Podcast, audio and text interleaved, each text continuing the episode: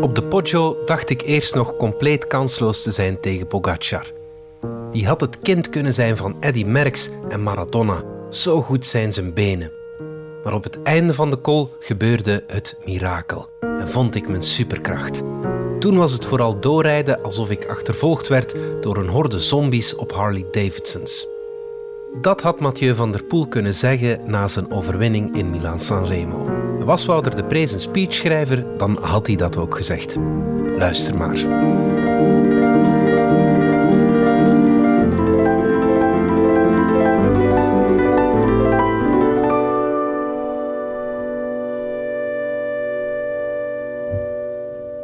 Wat een wonderlijk genoegen was het interview dat het Amerikaanse model Ashley Graham op de Oscarceremonie afnam van de Britse acteur Hugh Grant.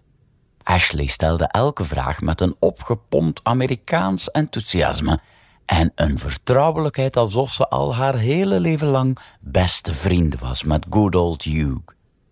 Grant beantwoordde elke vraag dan weer met typisch Britse onderkoelde understatements. Waarschijnlijk versterkte het leeftijdsverschil van 30 jaar het contrast ook nog eens. Grant en Graham besnuffelden elkaar een paar minuten als kat en hond die steeds onbegrijpelijker lichaamssignalen afgaven. Verbouwereerd liet Ashley Graham uiteindelijk de hoofdschuddende en oogrollende Hugh Grant gaan. Ik weiger partij te kiezen tussen beide manieren van communiceren. Soms kan die warme, overenthousiaste Amerikaanse manier van doen je uit een lethargie trekken. Was het Herman Terling die vond, speel het maar, dan begin je het vanzelf te voelen. Maar evengoed kan ik smullen van dat lijzige Britse met die vernietigende humor, waarbij je de ander glimlachend dodelijke steken mag toebrengen, mits goed geformuleerd. Het liefst zou ik bij mensen een hendeltje geïnstalleerd zien, waarbij ik naar gelang van mijn eigen gemoedstoestand kan kiezen of ik het draai naar Amerikaans of Brits. Mathieu van der Poel had ik bijvoorbeeld graag in Amerikaanse opgepepte stijl horen praten over zijn overwinning zaterdag in Milaan San Remo. Dat zou zo ongeveer kunnen klinken. Mijn voorbereiding sukte nogthans als een stofzuiger op een driefazig stopcontact. In de Tirreno Adriatico trapte mijn benen achterwaarts. Daardoor zat ik zo diep als een depressieve mijnwerker. Maar vandaag voelden mijn benen alsof ze de Nebolio-druivenoogst van de volledige Piemonte-regio op een kwartier helemaal alleen tot Barolo-wijn konden stampen. Op de Poggio dacht ik eerst nog compleet kansloos te zijn tegen Pogacar. Die had het kind kunnen zijn van Eddy Merckx en Maradona. Zo goed zijn zijn benen.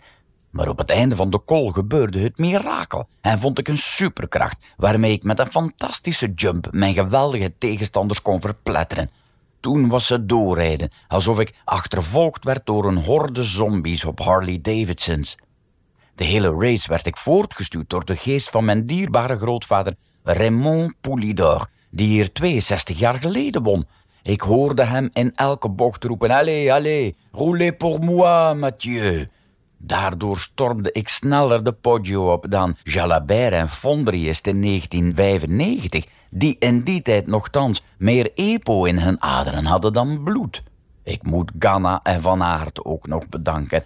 Twee geweldige kampioenen die mij met hun achtervolging vooruit hebben gezweept als een renpaard in het Circus Maximus. Ik ben buiten mezelf van vreugde. En om weer te landen zou ik Mathieu eigenlijk graag hetzelfde verhaal nog eens horen verkondigen in Britse stijl. Mijn voorbereiding liep een tikkeltje minder dan verwacht. In de Tirreno Adriatico zat ik nog niet helemaal in mijn beste vorm. Daardoor was ik een beetje terneergeslagen. Maar vandaag voelden mijn benen dan weer dat procentje beter. Op de Poggio twijfelde ik nog of ik Pogacar de baas zou kunnen. Die is toch niet gespeend van enig talent. Maar op het einde van het heuveltje gebeurde iets tamelijk aangenaams. Toen ik toch een overschotje spierkracht vond in mijn linkerkuit en zo vooruit kon huppelen op mijn tegenstanders. Ik wist dat het zaak was om nu eventjes door te zetten. Dat mijn grootvader Raymond Polidor hier 62 jaar geleden won, heb ik na de wedstrijd moeten opzoeken op Wikipedia. Ook dat hij mijn grootvader was trouwens. Dat ik het slotklimmetje sneller opging dan Jalabert en Fondriest in 1995. Misschien was EPO dan toch maar een heel overprijsde bakstervloeistof toen. Ik wil graag nog mijn waardering uitdrukken voor Ghana en Van Aert, die vandaag best een behoorlijke race reden. Alwel ben ik op dit moment niet ontevreden.